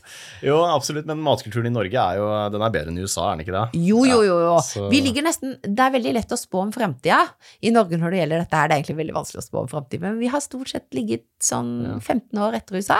Ja, ok. Så hvis vi ikke Så det går i gjør feil retning, altså? Ja, det er jo veldig mye som har gjort det. For eksempel hvis vi ser på overvekt og fedme, så er vi jo fortsatt, så er vi den dag i dag veldig slanke sammenlignet, eller liksom få som har utfordringer knytta til det å ha overvekt og fedme i Norge i forhold til USA. Mm. Mens det var jo sånn det nå er i Norge, var det i USA for en sånn Ja. 15 år siden. Og så går vi i en retning. Man regner jo med De prognosene som er gjort, sier at i dag så er det 25% som har fedme i Norge, mens vi regner med at det vil være ca. 40 Mm. i 2035. Skitt interessant. Men eh, mitt inntrykk er også at eh, vi har blitt mer opptatt av helse og trening og veldig mange Men nå, klart jeg bor jo midt i Oslo, da. Det er kanskje Mm. annerledes, jeg vet ikke. Men, Mm. eh, men Mm. er vi mer sånn todelt? At noen blir mer usunne og mer inaktive, mens noen blir mer eh, Mm. aktive og trener mer? Mm, veldig. Og så er det også noe med at noe er I dag så må vi jo være bevisst på en hel haug av ting som vi ikke trengte å være bevisst på. Du trengte ikke være bevisst for ikke å, øh, for på en måte å få beveget deg på 50-tallet, for du var tvunget til det. Ikke sant? Ikke sant? Så det var ingen som trengte å drive og snakke om uh, tida si på Birken, eller uh, Mm. hvor uh, langt de har svømt, eller hvor mange skritt det sto på klokka. Det var ingen som trengte å ha på seg en klokke for å vite hvor mange skritt du hadde gått. For du hadde gått nok skritt Ja. uten at du behøvde å tenke på det. For vi har automatisert så ekstremt mye, så vi, vi gikk inn og tenkte at nå gjør vi livet lett for oss selv. og så har vi liksom gjort det motsatte, da. Ikke sant? Og så er det sosiale medier, og så sitter vi og scroller i åtte timer, og plutselig har vi sittet på sofaen hele dagen. Liksom. Ikke sant? Og så kan du på en måte bevege deg herfra til derfra med bil eller med liksom T-banen som stopper flere og flere steder, Mm. og tog som stopper flere og flere steder. Og det er jo kjempefint. Men så er det kjempedumt også. Ja, det er det. Og så er arbeidsplassene våre, sånn er min nå, at jeg i hovedsak, hvis jeg ikke underviser og holder foredrag, så sitter jeg jo stort sett, da. Mm. Mens eh, bare tilbake til 70-tallet så var det enormt mange flere, ikke som hadde tungt kroppsarbeid, men som sto og gikk store Ja. deler av dagen. Og til de helt småtingene, det der at det, nå er jeg så heldig, sier jeg her i gåstegn som gjør seg så godt på podkast, at jeg har printet på kontoret mitt. Mens før så måtte jeg i hvert fall reise meg opp da, så måtte jeg gå til et Mm. annet kontor, så måtte jeg hente den utskriften. Ja. Ikke sant? Så helt til det der liksom helt banale, de små, små tingene. Mm. Det blir bare mer og mer borte. Ja. Det at når jeg vokste opp, så bare var ikke vaskemaskinen helautomatisk. Vi måtte flytte det fra vaskemaskina og over i sentrifugen. Og den vaskemaskina sto én etasje ned, og da måtte jeg ned noen flere ganger enn jeg må nå. Mm. Vi er kanskje heldige da, som liker å trene. Jeg bare regner Ja, med at du ja, liker å trene. Men ja altså, er jeg ikke den sånn elsker jo å være Ja. i bevegelse. Og jeg, og jeg elsker også jeg, både, jeg er både veldig glad i å trene, men jeg har jo det sånn at naboene mine sier sånn Du, har du lappen? Jeg bare ja, jeg har lappen, men jeg tar jo Det er jo veldig miljøvennlig. Alltid, alltid kollektivtrafikk, jeg, fordi at da går jeg til ting og tang. Ja. Eller, eller går helt dit hvor jeg skal. Ja, ikke sant. Nei, jeg hater kollektiv, altså, så jeg tar heller bilen. Men jeg må, må trene en gang om dagen. Ja. Ellers føler jeg at det mangler noe. Ja, ja. Så, men det, det er ikke noe sånn samvittighetsgreie. Det bare kommer innenfra sånn så Jeg har gjort det hele livet, da. Ja, ikke sant? Eh, Og men det er ikke alle som har den. Og det er kanskje genetisk, eller hva det er, men eh, Ja, det er, og, og det er jo nettopp hele Harald Eia sitt program, Arv og miljø. Det er umulig å skille. Fordi at de som Hvis du har foreldre som f.eks. var glad i å være i aktivitet, kanskje genetisk, så fant de to foreldrene Som var kanskje en av grunnene til at man ble sammen, det var at man var enige om noen sånne ting sånn som man likte å gjøre. Og hvis da begge liker å være i aktivitet, fordi de kanskje har, en, har noe av det liggende genetisk, så får du også miljøfaktoren. mm. Så som barn av de foreldrene, så blir man liksom, vokser man opp med at aktivitet er fint og positivt, og vi gleder oss til søndag, for da skal vi gå på ski. Mens andre gleder seg til søndag, for da skal de ligge på sofaen og se på serier. Mm. Mens det syns jeg er dritkjedelig. Ja, jeg liker begge deler, da. Men, ja. Jo, men jeg kan like å se på, se på en serie eller en film på søndag kveld, ja. men på dagtid på søndag. Altså, jeg blir nesten Det er nesten så jeg føler at jeg Ja, Ja, jeg føler meg nesten litt sånn Ikke deprimert, selvfølgelig, men nedstemt, da, hvis jeg gjør det. Ja. Så jeg Ja. Hvis du har tatt en skikkelig god treningsøkt da, Mm, på to timer mm, under skauen, mm, da, da kan du legge deg ned på Da er, det, da er det lettere. Men det er nok til og med da sånn at jeg er så sær at jeg måtte, Det å se på eksempel om vinteren, gå på skitur først, og så se på sport, altså se på langrenn på TV, det liker jeg kjempegodt. Mm. Men så begynne å binge serie klokka to på dagen det er faktisk jeg er ikke så glad i det. ass. Der syns søstera mi at jeg er helt dust. Altså, dette her er eh, Og, og jeg liksom Jeg sliter litt med å sitte stille, til og med. Så de blir litt gale av meg, de andre i familien. De er litt sånn Ja, ja. Hvor skal du nå? Ah, jeg skal bare ta en vaskemaskin og henge Ja. opp en vask og putte på litt og en Tipper du Ja. A-menneske i tillegg? sånn Ja, det er ja, bare for å være sånn, ekstra irriterende. ikke. Mm. Ja. Men, men det at vi er så forskjellige, da, eh, betyr det at eh, helsemyndighetene kanskje burde gitt ulike råd til ulike grupper? Altså, Mm, med, nettopp mm. med tanke på at ekstrem overvekt og det Ja. er noe helt annet enn folk som er sunne og vil optimalisere. ja. Og, det, og der også så er vi Det er jo kanskje litt av det man prøver på at man Sånn sett så prøver man å ikke At ikke dette skal være for avskrekkende for de som kanskje har litt Mm. mer mindre helsefremmende vaner. Så prøver man jo å gjøre dette litt enkelt, for man prøver kanskje prøver jo å ta veldig stor hensyn til de, for de vil ha veldig mye å vinne, ikke sant? Ja. På å gjøre På å bevege seg litt grann mer, Ja. og på å, øh, på å spise én frukt til. Det er interessant, Men kan det bety at folk som er trener, og er, de er jo gjerne opptatt av ernæring også, har Mm. lest en del og syns kanskje at Helsedirektoratets råd er litt kjedelig, og derfor så appellerer de der eh, nye, trendy tingene, da, ikke sant? Vet du, nå er det nesten sånn at du åpner noen eh, dører for meg, altså, Ja, fordi jeg tror faktisk mye av det ligger der. Ja. Jeg tror mye ligger i det at de som snakker mest om høyt om kosthold, det er de som er veldig interessert, og de føler at disse rådene her er ikke gode nok for meg. Mm. Det å liksom si til den personen gå en tur 30 minutter hver dag, da sier de sånn hallo, jeg får mye bedre effekt om jeg trener styrke tre dager i uka, utholdenhet tre dager i uka, Ja. om jeg varierer med langkjøring og intervaller. Hvorfor sier dere ikke det? Nei, fordi at hvis jeg sier det til det er 80% av Norges befolkning, de klarer ikke å gå 30 minutter om dagen engang. Oi. 80% 80% Det er 20% som klarer minimumsanbefalingen for fysisk aktivitet. Mm. Så om du sier det til de, så drar de kanskje enda mer ned rullegardina.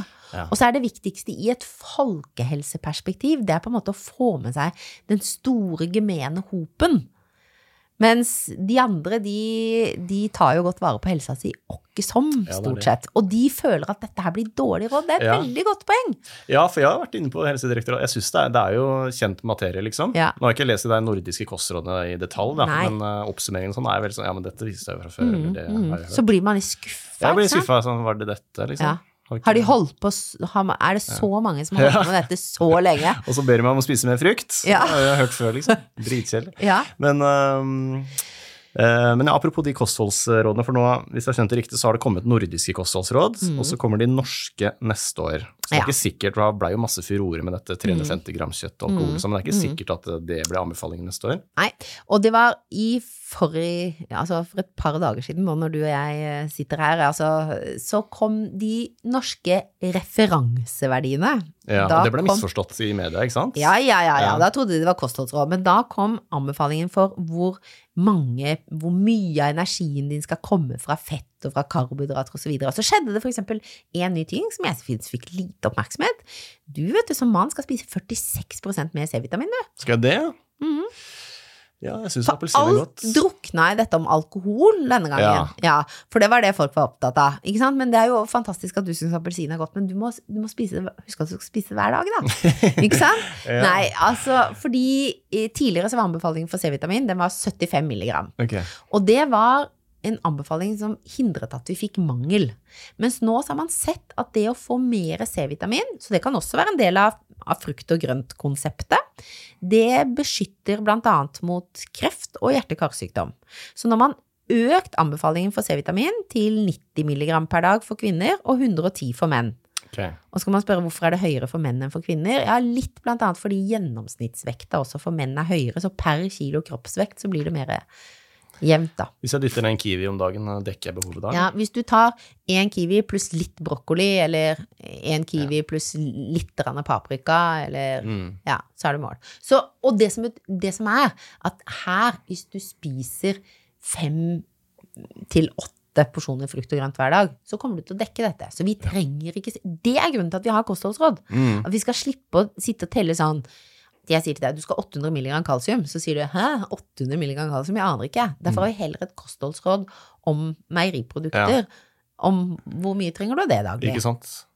Jeg tror, men altså, jeg kan se for meg at studenter eksempel bør kanskje ta altså jeg, jeg kunne ikke gitt mer faen i et balansert kosthold da jeg studerte, liksom. Da var det bare Mm. Man må være- kebab og nudler, liksom. Ja, man må være så heldig som meg. Jeg har sånn uh, Ja, du var sikkert det fra Nei, jeg har sånn eh, med min datter. Jeg har en studentdatter, og hun har det så veldig godt. Så hun har det sånn med moren sin at når hun spiser fisk, så kan hun bilde av kvitteringen, og så vippser mora.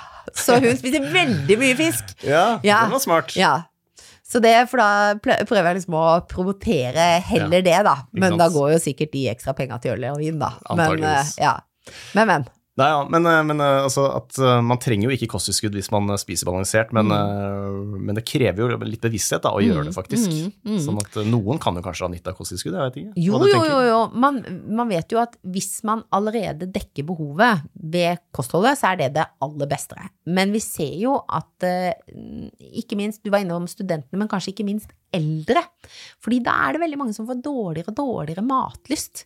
Så paradokset er jo at mens overvekt og fedme, det å ha overvekt og fedme er liksom, og de sykdommene det øker risikoen for, er et stort helseproblem i Norge, så er det blant de eldste så er underernæring Ha, egentlig det store problemet.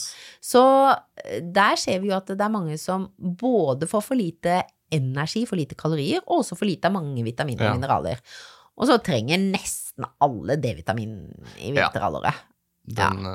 er det ikke sånn at gamle folk eh, får veldig lyst på sukker? Altså, sånn søte ting og kaker og sånn? Jo, og det har jo noe med smak Jo, men det er helt sant, og det har jo noe med smaksløkene våre, fordi at når, når smaken blir ofte Den er en av de tingene som reduseres litt med alder, men søtsmaken, den sitter veldig igjen. Ja, det er portvin og fyrstekake. portvin og Det er fiskekake, den vinner. Og så har de kanskje litt dårligere luktesans, og du kjenner jo det når du er tett i nesa. Så kjenner du faktisk at det, det kjenner du hvis du holder for nesa. Det er fantastisk. Har du tatt kanel noen gang? Ta kanel, og så holder du for nesa. Putter kanel i munnen, smaker ingenting. Yes. Og så åpner du nesa, og så bare wow! Ja. Så, så noen ting er, koblet, er smaken veldig kobla til lukt, og mange eller får, får dårligere og dårligere også luktesans. Mm. Sånn at eh, Men søtsmaken, den er ganske Der er smaken ganske distinkt, da. Interessant. Mm. Og små barn òg, de trenger jo å venne seg til Veldig mange barn sier at de ikke liker grønnsaker. Og det er også litt sånn Tror man litt sånn evolusjonsmessig at fra naturen så har det som har vært bittert, det er giftstoffer er bittert. Okay. Så det som er bittert, det skal vi ikke intuitivt like. Det skal vi være litt det skeptiske Det må læres. Ja. Og grønnsaker som er litt søte, f.eks. gulroten, den liker ofte små barn. Mens det som er litt bittert, f.eks. den grønne paprikaen og mørke salater og rosenkål og grønnkål, det liker ikke små barn. Nei. Og det, der er bittersmaken, så det må læres mye mer. Men søtsmaken, morsmelk smaker søtt, Ja. og den smaken liker barn intuitivt. Kan man leve på bare frukt, eller? eh? Nei. Nei, det er ikke bra nok. For det er for mye sukker og ikke for mye næring. Ja, og så altfor lite protein, for eksempel. Ja. Altfor lite Ja, jeg tenkte kalsium. frukt og kjøtt, da. Ja, sånn, ja. ja frukt og kjøtt, da det- begynner du å komme godt på vei, altså. Ja, Ja. for du sier spise mer frukt og grønnsaker i samme setting men da er det to ulike ting, da. Ja. Ja, men samtidig så er det masse ting vi kaller grønnsaker som egentlig er en frukt. Okay. Tomat er jo egentlig Ja, en frukt, og avokado er egentlig en frukt, og så er det veldig mange ting. Jeg kaller i hvert fall begge de to for Ja. grønnsaker, men de er egentlig frukter. Um, det er alkoholgreiene som, eh, som Mm. folk reagerte på nå. Hva tenker du om det? Ja, For det, det, altså, folk har jo misforstått litt, da. At de tolker det som en sånn moralsk pekefinger, kanskje, Ja. sånn ovenfra ned-anbefaling, men så handler det kanskje om at eh, det er ikke noe ernæringsmessig nytte i alkohol. nei, det er helt riktig. Så det ene er at det ikke er en ernæringsmessig nytte i alkohol, og så er det også det at man ikke har klart å finne Man har ikke funnet en trygg nedre grense der man kan si at dette kan vi anbefale, og vi vet at det helt sikkert ikke har noen negative helseeffekter. Men det er som du sier, jeg skjønner veldig godt at folk Det er vel det som er med kostrådene i det hele tatt, at man føler at det kommer noen og skal fortelle en hva en skal gjøre. Derfor blir jo altså kostråd Det skaper jo ekstremt mye engasjement. Og kanskje ikke minst hvis vi kommer nå altså, Hallo, nå har vi i hvert fall lyst til å kunne kose oss med et glass vin på fredag. Jeg elsker et godt glass vin, jeg. Jeg skulle gjerne ønske at, kost, at forskningen viste meg det motsatte. At det viste meg at Ja. dette er helsefremmende. Ja. Det har vært kjempefint. Men når alt det forskningen viser, det er at det, dessverre så er det sånn at det, dette er mer negativt, i hvert fall for fysisk helse. Kan hende Ja. Hvis du spør psykologen, kan det hende en del ville sagt at det var litt mer positivt også, men i hvert fall for fysisk helse. Og da tenker jeg at da har jo mannen i gata rett på å få vite det. Vi kan ikke skjule dette for mannen i gata. Hvis det har kommet et giftstoff i vannet vårt, så bare Nei, vi sier ikke noe, for vann er jo så godt og så viktig, og det blir så mye styr. Vi kan jo ikke det. Vi må jo fortelle det til folk. Og da kan folk bare få lov til å gjøre et veloverveid valg. Mm. Du sa i stad at du hater kollektiv, du tar stort sett bil. Du vet jo at det er mange hundre som dør i trafikken hvert år. Ja. Du vet jo at det er farlig å kjøre bil, sånn sett. Ja, ja. Jo, jo. Jeg vet, Ja, jo, ja, jeg vet Men du velger å gjøre det, og Jeg det gjør det, altså. jeg òg. Jeg òg velger å kjøre bil, selv om jeg vet at det er farlig. Men da kan jeg jo ta noen sånne Der er det jo til og med der er det jo påbud, der har du ikke lov til å kjøre fortere enn sånn og sånn. Du må ta på deg sikkerhetsbelte, ellers så får du bot. Her kan du røyke og drikke så mye du vil. Du får fullgod medisinsk behandling. Ja, det er akkurat det. Kanskje det henger igjen litt fra den covid-tida. Da var det sånn uklarte perioder hva som er sterk anbefaling, hva som er anbefaling, Ja. hva som er Folk ble litt så forvirra av det, ikke sant? Ja, og sånn folk der- ble også, er jo så lei av alt Ja, det der vi skal gjøre øh, for, for liksom å gjøre ting riktig. Ja, ja, ikke sant? Men, men covid sier litt om hvor vanskelig det er å endre vaner, fordi mm, jeg har en sånn greie med at jeg, altså jeg, at jeg blir veldig fascinert som helsepersonell, vet du, så er vi jo vi har hørt i så mange år at vi er veldig oppdratt til eksempel at du må vaske hendene før du spiser. Men, og under covid så gjorde jo alle det, altså vi vaska jo de hendene herfra til ja, Helvete.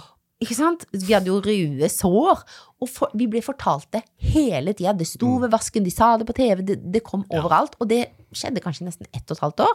Og nå er det veldig veldig mange som er komfortable med å ha gått en lang runde i byen, og så setter man seg ned og spiser noe man spiser med hendene til og med. Ja. Mens det er den enkleste måten å unngå smitte. Altså det er den lett, beste måten å unngå å bli forkjøla på. Men folk er opptatt av om de skal ta C-vitamintilskudd. Det beste er å vaske hendene. Mm. Ja, ikke sant? Ja. Men det har vi allerede glemt, for så vanskelig er det å bygge nye vaner. ja. Det er kjempekrevende. Ja, det er det. Det er skikkelig krevende. Men eh, litt tilbake til alkoholen, fordi eh, vi har jo snakka litt om helhetlig helse i dag, og at eh, hode og kropp henger sammen. og Jeg er jo helt enig i at man, det gir jo mening å ikke anbefale alkohol sånn fra et ernæringsmessig utgangspunkt, men eh, hvis man det, det ligger jo en forutsetning der om at helse er fysisk, da, for jeg mener jo at det er jo masse positive sider ved alkohol også, og det er jeg opplever det som litt sånn underkommunisert. Altså det å dele en flaske vin med gode venner, invitere på middag. Eh, hvis jeg eh, skal møte en kompis som jeg ikke har sett på et år, så er det hyggelig å ta en kaffe. Men det er jo hyggeligere å ta en øl. og det, kvelden blir jo hyggeligere. Eh, og ja, jeg bare opplever at det er sånn uh, Alkohol er jo for mange glede, moro og livsglede. Ja, Og så gikk jeg på Helsedirektoratets uh, side fordi av denne kampanjen som heter Lev, Mm, eh, med masse sånne fine tips egentlig da, til hvordan man kan styrke psykisk helse og fysisk helse. Og da står det bare negative ting om alkohol, ikke ett eneste positivt som jeg fant. da. Nei. Nei. Og det oppleves som litt sånn usant, da. Ja. Liksom, Ja, og hvorfor det- kan ikke bare anerkjenne at det er, det er mye bra med det også? Selvfølgelig er det mye dårlig. Ja.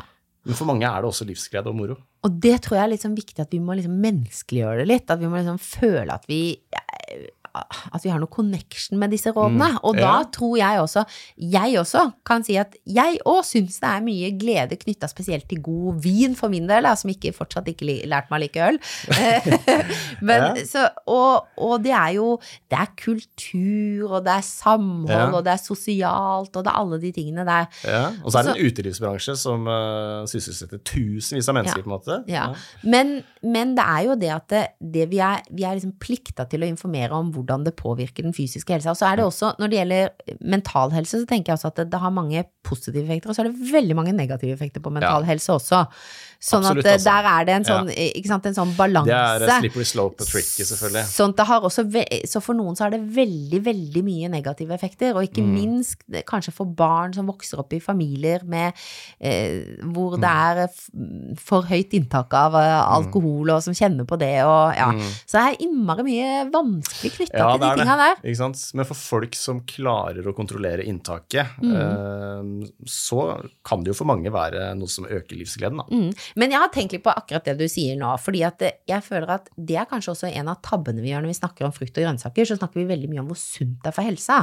Kanskje vi heller bare skal begynne å snakke om hvor godt frukt og grønnsaker er. Mm. Fordi jeg husker før når barna mine var mindre, så sa jeg at så sa jeg alltid 'skal dere ha dessert?' Og alle, når de hadde noen på besøk, som 'ja, dessert', ikke sant. Men det var bare at jeg brukte sånne fine stetteskåler, sånn som de andre sparte til søndag. Så putta jeg frukten i biter oppi der, og så var det en klatt med vaniljekesam eller noe sånt på toppen. Og så het og så noen nøtter. Og så Ja. het det dessert. Ja, ikke sant? Og så sa Jeg husker liksom foreldre til og med kom til meg Du, datteren min sier at her får de alltid dessert. Jeg er litt overrasket over det. og, så, og mine barn sa alltid når de dro hjem fra trening, hvis vi hadde rukket middag først, nå skal vi hjem og ha dessert. Men det de egentlig mente, var jo på en måte De skulle ha litt fruktsalat ja, og noe Ja, eh, yoghurt og nøtter. ja genialt. Men det het dessert. Så det gjelder Og det var også desserten på 60-tallet. Var i hovedsak Fruktkompott. frukt, ja, det var litt sukker tilsatt, men det var frukt og bær, og så var det kanskje litt melk Mm. på toppen. Og så søndagsdesserten, det var puddinger og krem. Mm. Ja, ikke sant? Men vi, kanskje vi må gjøre det litt mer sånn attraktivt igjen. Ja. Ja, jeg er enig. At det som er, det som er. Vi sier liksom til barna når du spør eh, hvorfor må jeg smake på det, så sier vi jo, det er så bra for kroppen, Ja. og det er så sunt. Ikke sant? De Kanskje vi skal si vet du hva, det er så sjukt godt, du går Ja. skikkelig glipp av noe. Smart. Da, da tror jeg bare Men det er bare digg hvis ikke du vil ha, for da kan jeg få enda mer. Ikke sant? Ja. Ja, så Bruke gjør det sånn litt At vi kanskje må Og det er ikke det jeg mener vi skal gjøre omvendt psykologi heller, det kan man jo bli schizofren av i verste fall. men, eh, men det er jo noe med, med det der å la, Ja. lage det litt ja, det er litt Attraktivt. Ja, du er Fordi- inne på noe der, for det er litt traust, altså, det er Helsedirektoratets råd. For jeg tror det er litt greia også, det der med den vinen for eksempel, som er så god, og som er enda hyggeligere med vin enn med kaffe. Det er jo fordi at du, du har kobla noe Mm. til settingen drikke vin. Sånn at hvis noen hadde klart å lage en alkoholfri vin som var, faktisk var like god, og hadde servert deg den i et like fint glass, og gjort det like dyrt, Ja. og hatt den samme stemningen, så kanskje det kunne vært nesten like positivt. ja. Nesten like. Men jeg vil innvende at det er noe positivt med den rusen i alkohol Ja, ja. som, eh, som kan gjøre en eh, kveld veldig hyggelig. Da. Ja, ja, absolutt. Så, men det er, det er noe interessant der med, med, med hvordan rådene kommuniseres ut av. Da. Ja. At eh, når man går inn på, det, på direktoratet. Ja. Og derfor så tror jeg man føler at alkoholrådene de er med pekefinger, og så føler man at det også blir kjøttrådene med pekefinger, mens liksom det er sånn der utrolig sånn fornuftsperspektiv som ligger i eh, fisk og grønt. Mm. Og så er det vel, Har vi noen brydd oss om eh, disse rådene, egentlig? Har folk mannen i gata tenkt på det tidligere? Sånn, eh, Ja. Tenkte vi på Og nå må vi spise det og det, for det sier myndighetene. Tenkte man sånn på 90-tall? Em, ja, man gjorde det faktisk da, Okay. altså. Man gjorde det, altså. altså. Man brydde seg om det før òg, men det som er veldig interessant, det er jo litt det som Jeg sa så vidt religiøse regler i stad, ikke sant. Altså hvis du ser tilbake eksempel på hvordan det i islam er blitt sånn at du skal ikke spise svinekjøtt, så var jo det veldig sånn Det var veldig fornuftig, for det var veldig mye av noe som heter trikiner i svinekjøtt. Som er sant, potensielt dødelig. Så det, men måten å kommunisere det på, før media var på den måten, det var knyttet opp til religion. Mm. Ikke sant? Vi hadde jo kjempealkoholproblemer i Norge hvis vi tar Nå snakker jeg tilbake på slutten av 1800-tallet, hvor folk hadde kjempesterk hjemmebrent, og folk kom seg jo ikke på jobben, og familier gikk til grunne, Ja. og det var, ikke sant. Så var det jo, men så ble det jo liksom veldig kobla til den pietistiske kristendommen, dette at man nå skulle stramme inn. Men det var jo egentlig vel så mye fra et folkehelseperspektiv. Ikke sant? Det at kuene har vært hellige i India, det tror man jo har betydd utrolig mye for at mange eh, har overlevd, fordi at da slakta de i hvert fall ikke kuene, og da fortsatte de å ha noe melk. Så de hadde noe å leve videre av, istedenfor at det var sånn kortvarig lykke som å pisse i buksa. Så veldig mange av de religiøse reglene har egentlig også hatt et folkehelseperspektiv. Yes, det Men det har vært måten å spre det på. Ja. Så mens vi i dag da, og det er også litt sånn, man har matkultur, for eksempel i veldig mange land hvor man spiser mer vegetarisk av seg selv, så har de jo kombinert akkurat det man sier. Du må kombinere belgfrukter med kornprodukter eller nøtter, og det har man jo gjort. Datteren min var i Kina her for et par år siden, så sa det rareste var å spise wok til frokost. Men det funker jo fint, men vi tenker sånn wok til frokost. Men det var jo wok med grønnsaker og nudler og nøtter. Ja. Fordi da får du plutselig sørga for at når du får de nøttene sammen med, eh, sammen med den risen, så får du alle aminosyrene som kroppen trenger. Så veldig mange både kulturelle og religiøse regler, de har egentlig også hatt en, ernæringsperspektiv. Ha. Ja, Det visste jeg ikke. Det er interessant. Nei, så det er ganske gøy. Ja, det er gøy, det. Um, kanskje helsemyndigheten må knytte til seg noen, uh, noen influensere, da, med stor følgerskare, som kan gjøre det litt mer uh, sexy, de der Ja, jeg tror i hvert fall vi må gjøre et eller annet på kommunikasjonsfronten, altså. På en eller annen måte. Mm. Også, men så syns jeg jo det er veldig gøy på en måte litt sånn eh, Nå vet ikke jeg, be- begynner jeg å avrunde før deg, vet du. Nei, men der vi, der vi Ja. begynte. Altså at igjen, altså selv om vi kan sitte her og snakke om veldig mange spennende ting, så er det veldig mye som veldig mange er enige om. Eh, som jeg glemte i stad, det, det er ingen som sier spis mer sukker. Alle er enige om spis så lite Ja, aldri hørt. sukker som mulig. Ikke spis, raffinert, uh, ikke spis så mye som mulig av raffinert sukker. Det har jeg Nei, ikke sant? Spis så lite som mulig av det. Spis så lite som mulig av junk. Spis så mye som mulig fra råvarer. Eh, Ha faste måltider. Drikk vann som tørstedrikk. Spis mer grønnsaker. Eh, Velg i hvert fall grove kornprodukter hvis du spiser kornprodukter. Velg gjerne lite prosessert kjøtt og fisk. Ikke sant? Alle disse tingene, hvis alle fulgte de, og, og ha porsjonskontroll ikke, altså, Før så var jo det derre måtehold, det var jo en sterk verdi i norsk eh, kultur. Måtehold, det er hvis du er drittlei, vet du, at måtehold er så ut så det holder. Så hvis man på en måte, hvis alle fulgte disse rådene her, så bare tør jeg påstå at alle får god helse. Og så kan du innenfor det velge litt om du har lyst til å toppe det med goji-bær, og om du syns det er litt bedre med kjøtt enn med fisk, og om du syns Ikke sant? Men innenfor det, det Ja. Alt er i boks. ja, det var fin oppsummering, det. Det er vel det jeg tar med fra denne episoden her, at uh, dere er egentlig mer enige enn det virker som uh, i media, ikke sant? De fleste er enige. Når jeg er på årskonferanse med kliniske ernæringsfysiologer, de i Norge som da har høyest utdanning i forhold til ernæring, så er vi enige om 98 Fy faen. Kosthold er løst. Ja, det er løst det er løst, ja. I dag, I faktisk. dag. Veldig bra. Ja, tusen takk for praten, Tine Sundfjord. Dekodet.